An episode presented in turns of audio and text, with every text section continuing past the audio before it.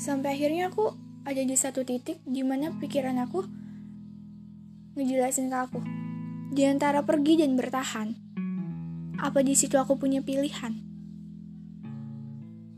Karena dari awal pun aku sama sekali nggak punya pilihan dan gak akan pernah ada pilihan